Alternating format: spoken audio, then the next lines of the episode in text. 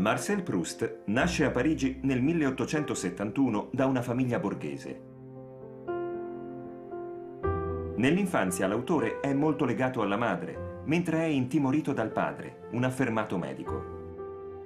A nove anni Proust ha il suo primo attacco di asma, una malattia di probabili origini psicosomatiche che si aggrava nel corso degli anni. Dopo aver completato gli studi con i voti più alti, Proust si arruola in fanteria come volontario, ma il problema respiratorio gli impedisce di proseguire la carriera militare. L'autore frequenta alcuni corsi universitari a Parigi e si laurea in legge nel 1893, intuendo fin da subito che quella non sarà la sua strada. Nel frattempo diventa consapevole della sua omosessualità, ma non la vive apertamente fino alla morte della madre. Essendo benestante, l'autore frequenta i salotti che contano, dove incontra scrittori importanti come Paul Valéry e André Gide. L'esordio letterario con i piaceri e i giorni non ottiene grande successo. Così Proust, per un certo periodo, lascia da parte i romanzi e si dedica alla traduzione e ai saggi. La morte ravvicinata dei genitori lo fa precipitare nello sconforto ma l'eredità gli permette di vivere senza la preoccupazione del denaro. Nel 1908 l'autore inizia la stesura di Alla ricerca del tempo perduto, un'opera in più volumi che viene in parte pubblicata postuma. Per comporre il suo capolavoro, Proust si isola nel suo appartamento per quasi 14 anni, scrivendo anche di notte. Il primo volume, intitolato Dalla parte di Swan, viene rifiutato dal prestigioso editore Gallimard, così l'autore lo pubblica a sue spese. Una parte significativa dell'opera è dedicata al ricordo del compagno Alfred Agostinelli, che muore in un incidente di volo nel 1914 con l'aereo regalatogli da Proust. Il successo degli altri volumi della Recherche e la vittoria del premio Goncourt convincono Proust a uscire dall'isolamento ma le sue condizioni di salute sono ormai gravi e l'autore muore per l'aggravamento di una bronchite nel 1922.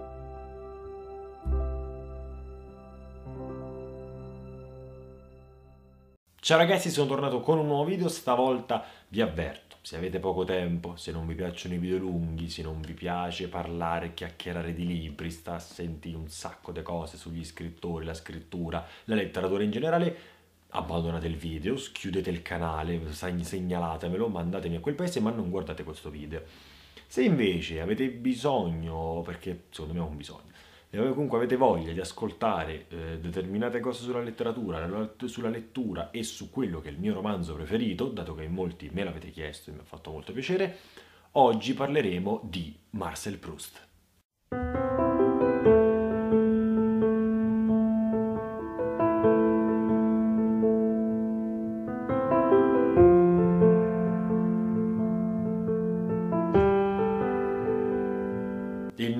Caro, amatissimo Marcel Proust, 1871 nasceva una leggenda.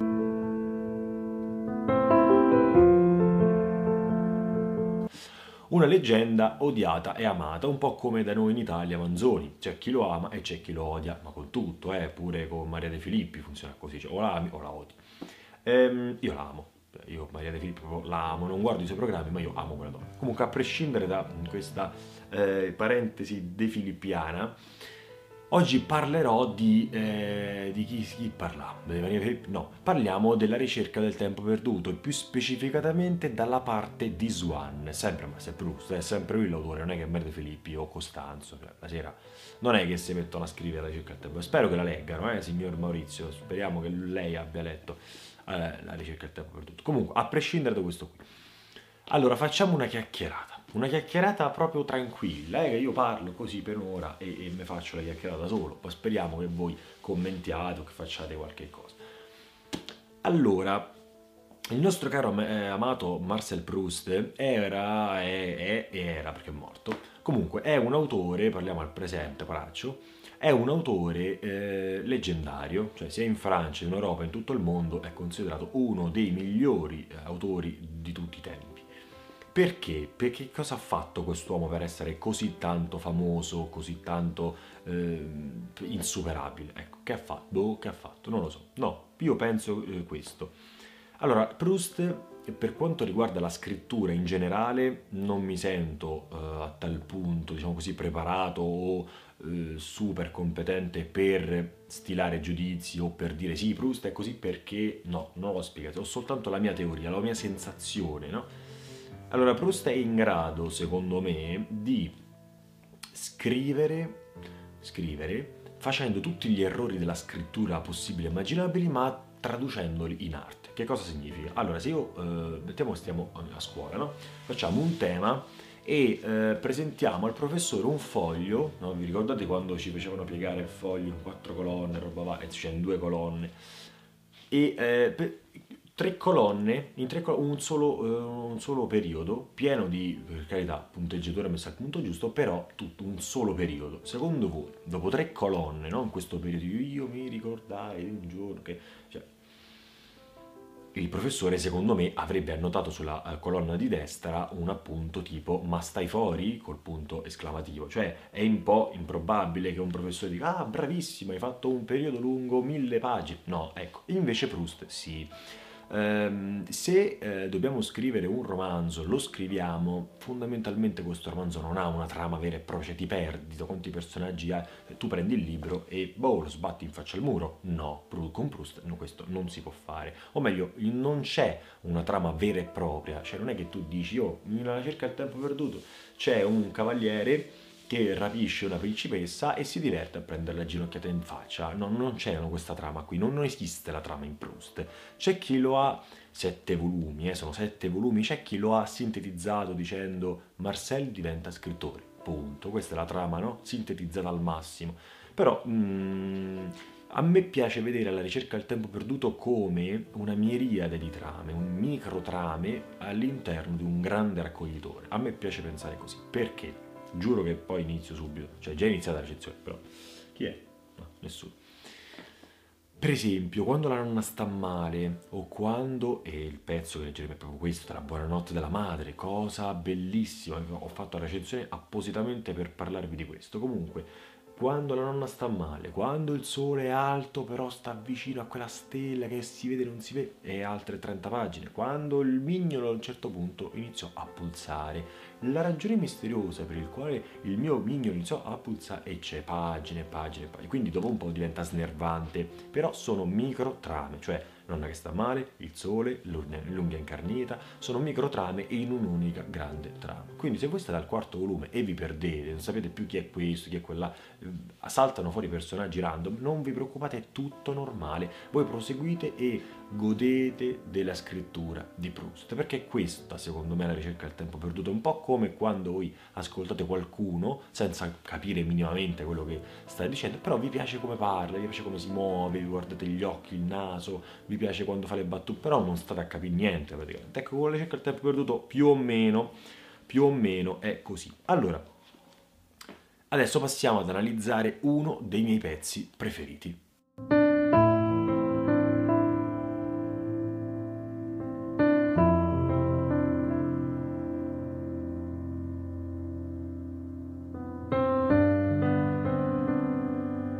La buonanotte è un tema fondamentale caro a tantissime persone, no? C'è chi ha l'abitudine, non so, alla moglie di dare un bacetto, c'è chi fa sesso ogni notte per dirsi buonanotte, c'è chi spacca i vetri, eh, c'è, c'è chi, chi, dà appunto la buonanotte a modo proprio, c'è chi la riceve spesso, chi non la riceve mai, c'è quello che aspetta e lì la buonanotte nessuno gliela dà. Ecco, Proust è quest'ultimo esempio. O meglio, Proust riceve, la, che questo è un fatto vero, eh, cioè lui veramente era, lui l'ha romanzato, no? che poi secondo me è proprio scritto tale e quale, però diciamo l'ha romanzato un po' e eh, ha scritto quello che è, è, secondo lui la buonanotte, perché dovete sapere che Proust ama, ha amato per tutta la vita questa donna, non so se si vede in camera, si vede un po' sfocato, però questa donna in copertina, corrispondenza con la madre, è la madre di Proust, questa donna qui Proust l'ha amata. Chi è qui? No, nessuno. No, che cavolo c'è qui? Proust l'ha amata tantissimo, cioè la madre per Proust era un perno fondamentale, non perché per tutti gli altri, per carità la madre non lo sia, però per lui in particolare, adesso parliamo di lui, se no se parliamo di voi, non faccio la recensione su di voi, amava la madre come se fosse veramente l'unica ragione per la quale esistere. E questa è una bellissima cosa, però il troppo amore non va bene, io sono di questa filosofia qui, come non va bene troppa felicità, troppi soldi, troppo proprio non va bene. Ecco, Proust ha esagerato con il troppo amore per la madre perché quando la buonanotte non gli veniva concessa succedeva un pandemonio. Ora, il problema è anche qui in questo pezzo che tra poco mi accingerò a leggere. Mazza quanto sono professionale. Oh. Comunque, no scherzo, sono un imbecille. Comunque, ehm, in questo pezzo appunto che tra poco leggerò c'è proprio scritto che il padre davanti agli ospiti, quindi davanti alle altre persone, non vuole, cioè non vuole che si dia la buonanotte al piccolo Marcel che deve andare a dormire, tanto gli dato tutte, tutte, le sere sta buonanotte, non, non è che c'è bisogno di darla anche davanti agli ospiti, quindi già una sottigliezza della mentalità ottocentesca, inizio novecento, quindi oggi no, cioè oggi immaginate una cena o un pranzo, qualsiasi cosa, il bambino di X anni, no? 9, 10, 11 anni, si alza e dice raga, io vi saluto, buonanotte. E c'è la madre, il padre, gli danno un bacetto, la sorella, il fratellino piccolo, e lui va dormire. Non è che gli ospiti indignati si alzano e dicono oh mio Dio, gli dato la buonanotte. No, no, questo non succede oggi. Prima forse sì, perché il padre non voleva. Ma comunque non voleva le smancerie in pubblico, nemmeno io le voglio, non stanno antipatici quelli si baciano in mezzo alla strada, così, proprio al centro, capito? Quindi, e eh, non mi piace, che devo fare? Eh, sono l'antica. Comunque, Pagina 24. Ah, vabbè, all'inizio lui spende tipo 14 capitoli per dire che, che ha sonno e che sta a letto e vabbè, comunque. Dopo 24 pagine arriva questo pezzo, io non so se sto sfogato in camera, non mi vedo lì dall'anteprima, però non fa niente. Allora, qui e siamo arrivati alla fine della cena, a quanto sembra, adesso non ricordo benissimo l'inizio, comunque sì, siamo arrivati alla fine, c'è il momento della buonanotte, per carità di Dio non mancasse mai sta buonanotte perché Proust c'ha un macello, e infatti qui si è sfogato con noi lettori poveri che stiamo lì, sì Proust hai ragione, la buonanotte è importante, sì 40 pagine, comunque vabbè, si è sfogato su di noi. Allora, come metto sto coso? Così, sentite, ascoltate bene, che sto cane che abbaglia, vabbè. Anche lui vorrebbe sentire Proust, eh, se vuoi sentire, senti. Io non distoglievo gli occhi da mia madre, già una minaccia, io non distoglievo gli occhi, già sta proprio puntando, no? Sapevo che quando sarebbero andati a tavola non mi avrebbero permesso di restare per tutta la durata della cena, quindi non stanno a fine cena, ho toppato io. E che, per non contrariare mio padre, la mamma non avrebbe lasciato che io la baciassi a più riprese davanti a tutti come se fossimo stati nella mia camera. Io non so se vi siete resi conto di quello che ho appena letto. Cioè, lui già sa che gli avrebbero negato non solo la buonanotte, ma anche stare a tavola con tutta la combriccola, ok? E quindi per non contrarre mio padre, la mamma non avrebbe lasciato che io la baciassi a più riprese. Cioè, quanto è bello questo tratto non avrebbe lasciato che io la baciassi a più riprese, è una cosa bellissima davanti a tutti, come se fossimo stati nella mia camera, quindi significa che dentro la camera la buonanotte c'era, esisteva, no? Però lui sa benissimo e quando stanno sti ospiti maledetti, sta buonanotte non viene. Quando, eh, no, aspettate, eh. Mm, sì, questo è bellissimo. Quindi mi ripromettevo in sala da pranzo di fare di quel bacio che sarebbero, eh, scusate, che sarebbe stato breve e furtivo, quindi là già lui si immagina questo bacio com'è, breve e furtivo. Tutto quello che potevo fare da solo, scegliere con lo sguardo il punto della guancia che avrei baciato, preparare il pensiero per poter consacrare, grazie a questo inizio mentale del bacio, tutto l'istante che mamma mi avrebbe accordato a sentire la sua guancia contro le mie labbra. Qui non c'è punteggiatura, cioè uno cade nella frase come un pittore che può ottenere solo dalle brevi sedute di posa, prepara la spatola e ha fatto prima a memoria, con degli appunti, tutto quello per cui poteva privarsi della presenza del modello. Cioè, uno finisce di leggere e non ha capito niente. Primo perché questa traduzione poi lascia desiderare, però è proprio così, cioè uno legge e si perde. Ma ecco che prima che suonassero per la cena il nonno ebbe l'incosciente crudeltà di, di dire il piccolo all'aria stanca dovrebbe salire a coricarsi. D'altronde si cena tardi questa sera e mio padre, che non teneva fede scrupolosamente ai patti come la nonna e la mamma disse, ma sì, vai a dormire, cioè nessuno si accorge della sofferenza, del dolore che questo bambino sta vivendo mentre loro dicono queste frasi, ma vattene a dormire, ma che ce frega, vattene, e lui sta lì e dice no, io vorrei la buonanotte, no, nonno, padre, zio, ma tutti quanti lo mandano, lo sfanculano, no? direbbero qui a Roma. Ma sì, vai a dormire, sentite questo pezzo perché è assurdo. Cercai di baciare la mamma nel momento in cui udì la campanella della cena. Pensa che questi suonavano, suonavano e cenavano, gente malata lui proprio cercava, nonostante tutte queste, ma vai a dormire, vai scemo, vai a dormire, tutte queste voci, lui cercava di baciare, cioè cercò di baciare la mamma. Ma no, vai, lascia stare tua madre, vi siete già dati la buonanotte abbastanza. Queste effusioni sono ridicole, su, sali, il padre, no, tutto quanto. E dove... Sentite qua, mi sono perso. Ah, e dovetti andarmene senza viatico dovetti salire ogni gradino, questo è, ha fatto storia questo pezzo, dovetti salire ogni gradino della scala, come dice l'espressione popolare, a malincuore, salendo contro il mio cuore, che voleva ritornare vicino a mia madre, poiché ella non gli aveva dato il permesso di seguirmi, baciandomi.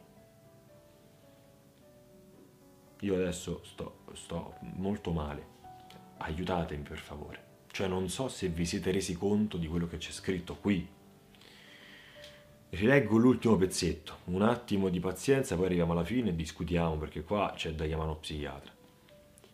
E, um, e dove, dopo che il padre gli ha detto e su, vattene, va, e, e lui scrive, e dovetti andarmene senza viatico, dovetti salire ogni gradino della scala, quindi già si, io immagino questa scala di 50.000 gradini, no? Erano tre per esempio, lui la vede come se fosse la scalata del Monte Everest perché non c'aveva sta buonanotte benedetta.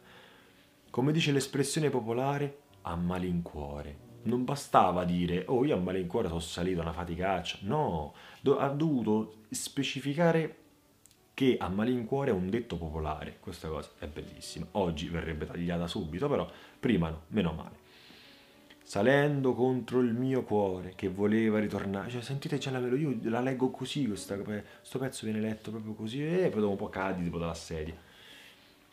E mi sono riperso. Salendo contro il mio cuore che voleva ritornare vicino a mia madre, poiché ella, cioè mia madre, cioè mia madre, mi sono riperso l'altra volta. Mi devo mettere questo qui, mi sono perso salendo contro il mio cuore, che voleva ritornare vicino a mia madre, poiché ella, quindi la madre, non gli aveva dato al mio cuore il permesso di seguirmi, virgola, baciandomi. Cioè, quindi questa donna, non baciando lui, il figlio, non aveva dato al suo cuore del figlio il permesso di seguirlo. Cioè, quanto, quante canne si deve fare uno per scrivere una cosa del genere? Quanti funghi di Amsterdam ti devi mangiare per fare eh, una cosa simile? Questa scala odiosa, mo ce, mo ce l'ha con la scala, e giustamente perché non gli hanno la buonanotte, qualcuno qui deve pagare.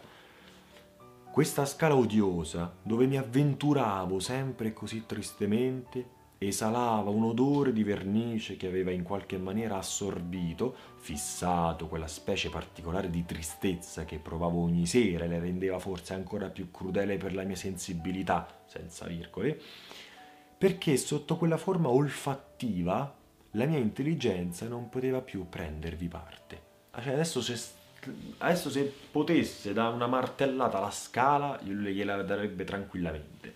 Però non ha detto, e questo io che ogni tanto mi fermo, no? chiudo il libro e mi metto a riflettere così, da solo, in centro, al centro della mia stanza.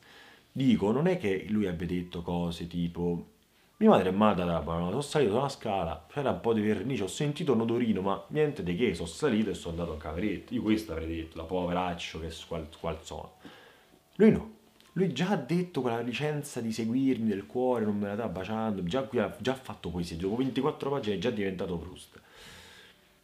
Ma dopo, con, con, con quella maledetta scala, questa scala, lui proprio mette il punto e inizia una nuova questa scala odiosa dove mi avventuravo, cioè uno per salire quattro scalini si deve avventurare, per quale maniera non si sa, cioè non è che dice una gamba sola e quindi è un'avventura, no, ce n'ho due cammino. Questa scala odiosa, dove mi avventuravo sempre così tristemente, quindi sta scala proprio oltre che è gigantesca, dove mi ci avventuro, lo faccio pure tristemente, quindi proprio una, una sofferenza, esalava un odore, dove, dove eh, scusate, esalava un odore di vernice che aveva in qualche maniera assorbito, virgola, fissato quella specie particolare di tristezza, quindi qua un sentimento legato a un senso olfattivo che provavo ogni sera quindi non è che dici guarda tre volte a settimana lo sento, altre tre, altre quattro, no. E la rendeva forse ancora più crudele per la mia sensibilità perché sotto quella forma olfattiva la mia intelligenza non poteva più prendervi parte. Poi, punto, inizia un'altra frase. Quando dormiamo, e un, mal di ten- un mal di denti non è ancora avvertito da noi, se non come una ragazza che tentiamo 200 volte di seguito di tirar fuori dall'acqua, o come un verso di Molière che ci ripetiamo continuamente, è un grande sollievo svegliarci in modo che la nostra intelligenza possa liberare l'idea di, del mal di denti da ogni travestimento eroico o cadenzato. L'ultima frase e poi commentiamo, perché qui ci sarebbe da dar fuoco a, a tutto quanto. È il contrario di quel sollievo che provavo quando la tristezza di salire nella mia camera entrava in me in una maniera infinitamente più rapida, quasi istantanea, nello stesso tempo insidiosa e brusca, con l'inalazione, molto più tossica della penetrazione morale, dell'odore di vernice proprio di quella scala. Uno chiude, chiude il libro e dice gli mortacci mi ha speso 10 euro per questo libro e lo posa, lo butta. Invece no, voi dovete continuare ad andare avanti perché in queste pagine c'è scritta la poesia che più poesia non si può. L'ultima parola è anni, se vi interessa. Comunque, è qualcosa di stratosferico. Allora, Proust non deve essere... Scusate, c'è qualcosa... Ok. Proust non deve essere visto come uno scrittore commerciale. Cioè, mi spiego meglio. Eh, c'è un caldo in questa stanza. E non deve essere visto come uno scrittore commerciale per il semplice fatto che... Ma che... No, stavo che non scalafaccio per, per, il semplice fatto che non tende a voler eh, rapire l'attenzione del lettore perché so, il maggiordomo è l'assassino, cioè non gliene frega niente di stupirvi o di stupire il lettore in generale con, una, eh, con un colpo di scena, con un qualcosa di inaspettato. E quello che colpisce della scrittura di Proust è proprio lo stile cioè è eh, il dire una cosa semplice, una cosa banale, come per esempio salire in una scala, porca miseria, di 5 scalini, dopo che tua madre non ti ha dato la buonanotte, ecco, raccontare questa cosa eh, in maniera tale che eh, lo stile stesso eh, sia il, la vera trama del romanzo. So se mi sono spiegato, cioè non è tanto Cappuccetto Rosso, è uscita, e poi è tornata, poi ha fatto questo, non è proprio così la storia. E, mm, ecco, prendiamo l'esempio di Cappuccetto Rosso. Se voi leggete Cappuccetto Rosso c'è la eh, storia, ma non c'è lo stile, ovviamente. Non è che eh, Cappuccetto Rosso, eh, perché il rossore tatuato sul mio mantello svolazzato, non assolutamente. Cappuccetto Rosso entrata e uscita, cacciatore, lupo, nonna, insomma, è molto semplice, scorrevole, una fiaba, eccetera. Però è l'esempio che mi interessa eh, farvi notare, insomma. Quindi Cappuccetto Rosso ha una trama, ma non ha lo stile. Proust fa il contrario. Proust ha uno stile, ma non ha una trama vera e propria, come ce l'ha Cappuccetto Rosso. Cioè Cappuccetto Rosso ha più trama di Proust, e questo è il senso. Però qui c'è un attimo da, da, decidere quello che vogliamo fare. Cioè, volete una trama senza stile o uno stile senza trama? Io preferirei uno stile senza trama per il semplice fatto che una volta che la storia è finita è finita, cioè ho scoperto che tu sei l'assassino, chiudo il libro e lo butto, lasciando perdere se, piacere li, se possono piacere i libri thriller, i libri gialli, horror roba varia. A prescindere da tutto questo qui, il problema di questo scritto, il il, il punto forte di questo scrittore è proprio lo stile, cioè che di una cosa banale appunto ne, ne, ne cava fuori un, un, una leggenda proprio vivente, la gente vive sui suoi libri e, e, passano alla storia. Ora, conoscere anche un po' l'uomo Proust, secondo me, mh, aiuta anche a capire un po' la psicologia, la psiche, la, la psichiatria di quest'uomo, perché non era proprio, aveva tutte le rotelle messe a posto. Perché dico questo? Perché Proust era un tipo che quando ha scoperto che so, il sughero isolava la stanza dove lui lavorava e dormiva dai numeri esterni, ma ha comprato tutto sughero, tanto era ricco, e ha tappezato la sua stanza, la sua camera di sughero, così nessuno e niente eh, avrebbe potuto, diciamo così, disturbarlo dall'esterno. Già questa cosa, beh, immagino io che entro a casa di mia sorella, apro e vedo la camera tutta di sughero, io dico poraccia, eh, gli manca qualche rotella, e invece è così. Vederlo d'agosto con una pelliccia addosso era solito. Eh, quando ha scoperto, o quando ipotizzava, che eh, lavorare a stomaco vuoto, quindi senza aver mangiato niente, e, um, avrebbe aiutato no? lo spirito creativo, l'anima avrebbe lavorato e scritto meglio, non mangiava più. Che problema c'è? Che è un problema non mangiare una settimana? No, tranquillamente. Si faceva giusto un paio, massimo un paio di caffè e latte preparati da Celeste Alberé, la sua bellissima, grandissima, ha scritto una, una, biografia su Proust bellissima, Celeste Alberé, la sua domestica, per otto anni ha lavorato per lui che ha fatto Celeste Alberi? Che ha fatto? Gli ha preparato questi caffè là, diceva Messi è Proust, lei è convinto che è sicuro che vuole... Sì, sì, tranquilla, io lavoro bene così. E, Celeste Alberi, eh, il suo lavoro era a secondare il suo padrone e eh, preparava questi benedetti caffè latte. Eh, soffriva d'asma in una maniera che si sentiva male, piegato in due per terra, quasi moribondo, prendeva proprio attacchi molto molto forti, quindi evitava di stare un po' con prima, sì, quando era più giovane, sì, poi dopo un po', non che sia morto vecchio, però evitava di stare a contatto, no? feste, non è che lo vedevi so, a fare DJ dentro una, una, una discoteca dell'Ottocento, insomma, stava sempre a un palmo dal, dalla schiena no? da, di, del prossimo. Era una persona che Um, è morta, cioè è vissuta ed è morta per la sua opera. Questo non lo dico per fare o per dire una cosa ad effetto, è proprio vero, cioè lui quando ha scritto la parola fine, ehm, l'aneddoto che ha raccontato la sua domestica è il seguente. Lei ha detto che, dopo aver descritto in una maniera meravigliosa, cioè Celeste, io dall'alto dei cieli, insomma, vorrei che tu mi sentissi, sei stata fenomenale a scrivere quella biografia, che si intitola Messi e Pogust, costa 30 euro, però ne valgono tutti, ha detto che, cioè, ha scritto che ehm, l'ha sempre visto, ovviamente per tutta la durata della vita, orientato e concentrato solo sulla sua opera, cioè lui parlava con la gente, questo che rimanga tra di noi, se no poi se, se viene a sapere, insomma, ma lui, lui, parlava con me solo perché, eh sì, quindi un attimo. De... Um, lui parlava con la gente, faceva le domande esclusivamente per poi romanzarle ed inserirle nel suo libro, cioè non gliene fregava un cavolo di quello che diceva la gente. O meglio, era appassionato di gossip, questo l'ho letto in diverse mm, biografie, in diversi libri, era, gli piaceva farsi cazzi degli altri. Infatti, se eh, fosse nato oggi con Facebook, eh, non si sa, non scriveva, stava sempre lì a contare notifiche, oh guarda un po', eh, Balzac che ha scritto, sto scemo, stava lì, perché proprio gli piaceva di natura.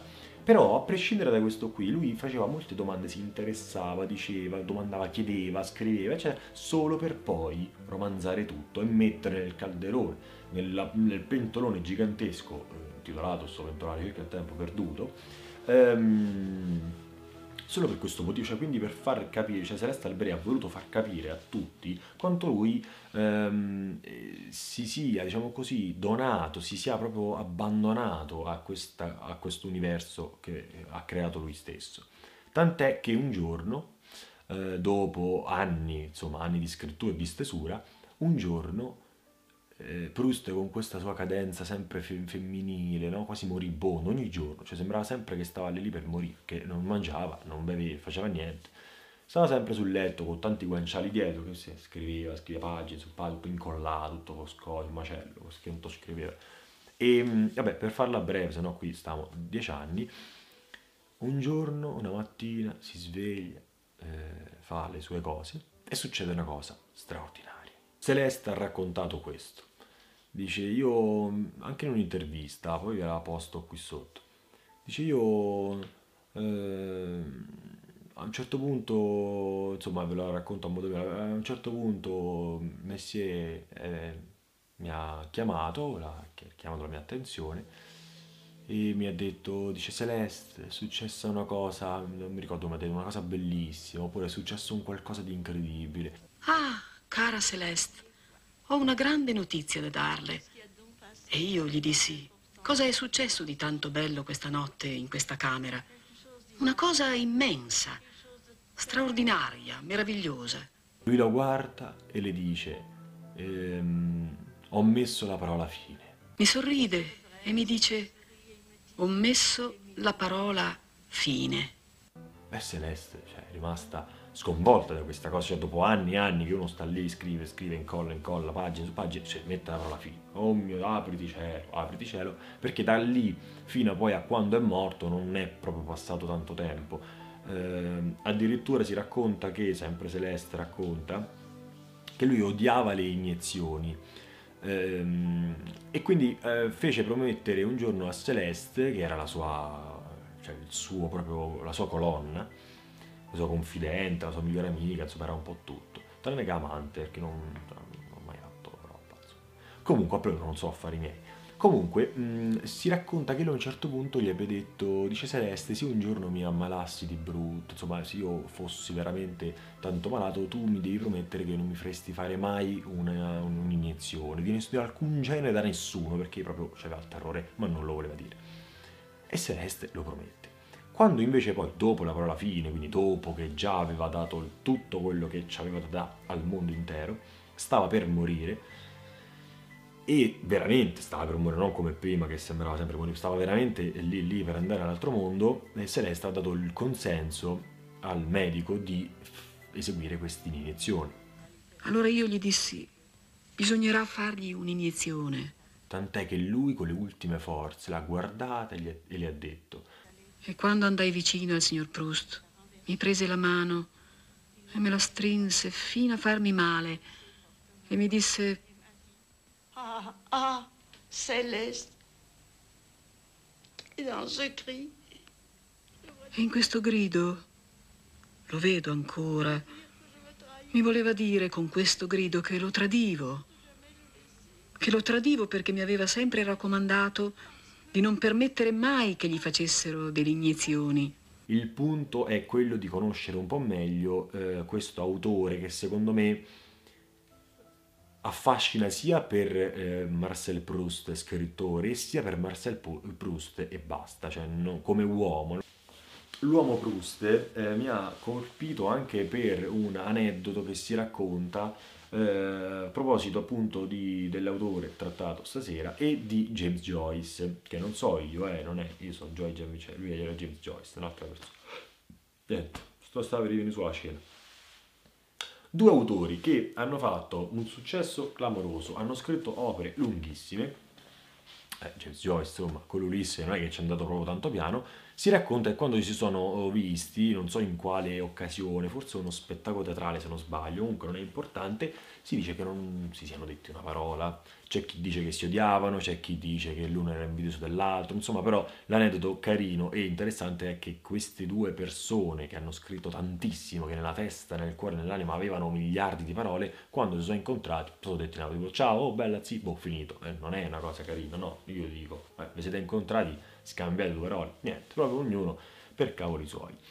Um, questo un po', secondo me, è un parere mio, eh, per carità, non sono uno psicologo, anzi se ci sono psicologi in vista fatevi avanti, secondo me questo è un segno di, de- non di debolezza, di, sen- di ipersensibilità, cioè secondo me Proust era talmente tanto sensibile, anzi ipersensibile, così coniamo questa cosa, ipersensibile e genio, che soffrendo perché vivo, questo è, questo è, cioè lui soffriva perché viveva e perché viveva certe cose, un po' come Montale, no? Spesso il male di vivere l'ho incontrato. C'è una tale sensibilità, appunto un'ipersensibilità, che unita a uh, uno spirito geniale, a una creatività immensa, quasi irraggiungibile, io dico, senza quasi, comunque che fuse queste qualità hanno mh, prodotto un uomo, un uomo mh, di tutto rispetto, Proust era una persona educatissima, una persona eh, piena di rispetto, non era il tipo da sgarbo, il tipo da dispetto, assolutamente. Hanno creato un uomo eh, capace di tradurre tutto quello che vedeva, tutto quello che sentiva e tutto quello che viveva non in cioè, tipo input e output sempre a parole, quindi non è che, eh, che so, se prendeva sotto braccio un amico e gli diceva oh ti devo raccontare che ho fatto ieri, non puoi capire, allora mi è capitato che sta scala, mentre io mi ci avventuravo sopra, ho sentito questo odore di vernice, però mi madre, la buonanotte non me la da... Non era questo, magari ti guardava e ti diceva, a posto? Sì, tutto bene. Il cavallo tutto a posto? Sì, sì, ha cagato un po', però tutto bene.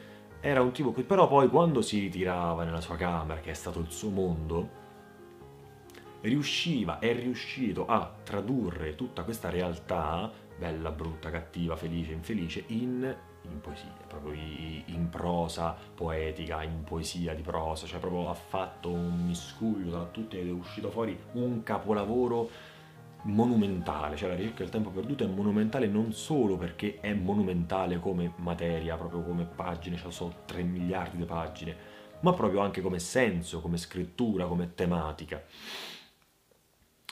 Ehm, in quanto alla sua bravura, eh, Virginia Woolf ha dichiarato, comunque sì, ha detto che eh, cioè, secondo lei non era più possibile no? Ehm, trovare un altro scrittore del calibro di Proust. Cioè, secondo, secondo lei eh, Proust era Proust, cioè dopo di lui non sarebbe mai potuto più nascere un grande scrittore, quindi per e Virginia Woolf non è che scriveva sul giornalino, cioè, nel senso, era una, lei una grandissima, è una grandissima autrice. Comunque Proust è questo, cioè, un altro aspetto per esempio dell'uomo Proust è che eh, ha scambiato per anni, per, per, per quasi, quasi, per tutti i suoi anni di vita, soprattutto gli ultimi, il giorno con la notte. Questa cosa mi fa impazzire.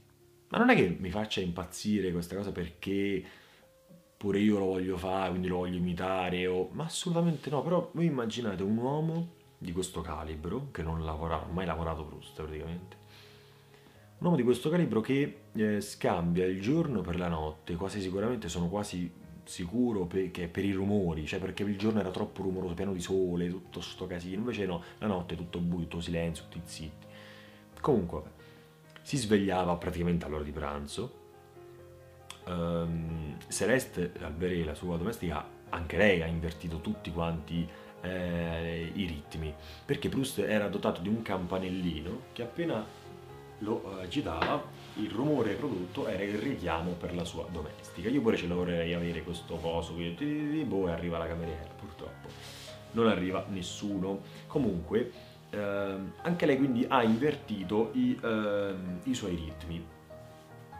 Invertire i ritmi significa che tu vai a dormire, vai a dormire alle 6 di mattina, ti svegli alle luna, alle 2, alle 3 del pomeriggio, pranzi, quando gli altri sono già 7-8 ore che stanno a lavorare in fabbrica, in ufficio, così, pranzi, aspetti un po', scrivi, fai le tue commissioni, perché Proust usciva non per per fare qualche commissione, per andare, non so, consegnare una lettera a qualcuno, cioè era un po'...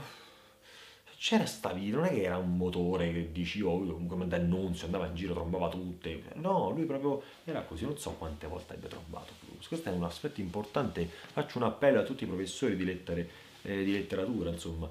Quante volte non si sa, quante, vabbè, non, non lo sapevo mai. Comunque, non so affari nostri. Um, che stava... Ah, le commissioni, quindi usciva così, faceva qualche commissione, andava, non so, al fioraio, da, da ferramenta, da, andava di qua, un massaggino dai cinesi, cioè piccole commissioni che sono solite, insomma.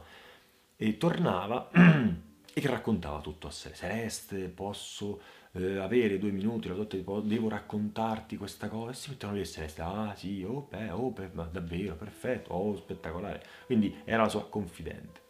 Questa cosa poi piano piano è andata ancora più eh, a diminuire perché tra le malattie dell'asma, tra la... cioè, un uomo che sta sempre seduto, sdraiato nel suo letto, sei giorni, giorni, non mangia, non beve, non penso che poi possa andare a fare un corso avanzato di ginnastica artistica. Insomma. Quindi il letto è diventato la sua dimora, è diventato il suo, il suo mondo, no? il suo impero pieno di guanciali, già l'ho detto, pieno di guanciali, pieno di questo, letto gigantesco, tutti fogli, fogli su fogli su fogli, e scriveva tutta la notte, Cioè, non è che c'aveva Word 2007 e scriveva, non esisteva quella roba lì. Cioè, lui ha scritto tutte quelle pagine a mano, come tantissimi altri scrittori, Dante, Boccaccio, tutti, a mano, con la penna, col pennino, col, tutto il piccione. Insomma, però non c'erano i computer, questa cosa mi entra nel cervello e non ne vuole sapere di uscirne fuori.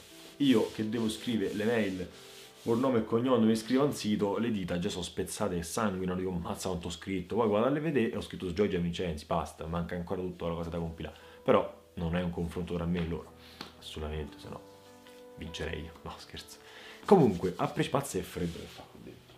Comunque, a prescipazzo me ne vado pure perché stavo a fare un sacco di ore di video è, importante secondo me conoscere l'uomo scrittore, cioè conoscere lo scrittore attraverso le opere, ma conoscere anche lo scrittore a livello personale, a livello intimo, a livello profondo. Cioè, se eh, uno scrittore, cioè per esempio Hitler, no? Prendiamo l'esempio di Hitler non basta secondo me leggere soltanto il Main Kampf per fare un esempio molto forte, molto lampante, cioè non basta soltanto leggere il Main Kampf e basta, perché sennò uno lo legge, non sa chi è Hitler, dice ma questo che, che, che è un film, è un libro di fantascienza, no, è successo davvero, ma perché è successo? E quindi lì si può andare a scoprire esclusivamente andando a, andandosi a informare sulla vita vera e propria dell'autore, in questo caso un autore abbastanza particolare come Hitler, immagino Hitler e Proust a colpi di aforismi, comunque vabbè. Quindi l'uomo Proust, ditemi secondo voi che cosa... Mm, ditemi le vostre impressioni, sempre se siete arrivati a fine video, ditemi che cosa ne pensate. Ci sarebbero tanti altri aneddoti, tante altre cose da dire, ci sarebbe un, un sacco di cose da Proust, tante, soprattutto sulla sua scrittura. Cioè, basta prendere eh, questo volume e leggere qualche cosa che ho sottolineato per fare poesia. Per esempio, fortunatamente per lui, sotto le nuove sofferenze che stavano penetrando nella sua anima come orde di invasori, esisteva un fondo naturale più antico, più dolce e silenziosamente laborioso, simile alle cellule di un organo ferito che si pongono subito in moto per rifare tessuti lesi, simili ai muscoli di un membro paralizzato che tendono a riprendere i loro movimenti. Cioè quindi c'è tutta una, una, un'enciclopedia di accostamenti, di metafore, di paragoni, con cose che proprio uno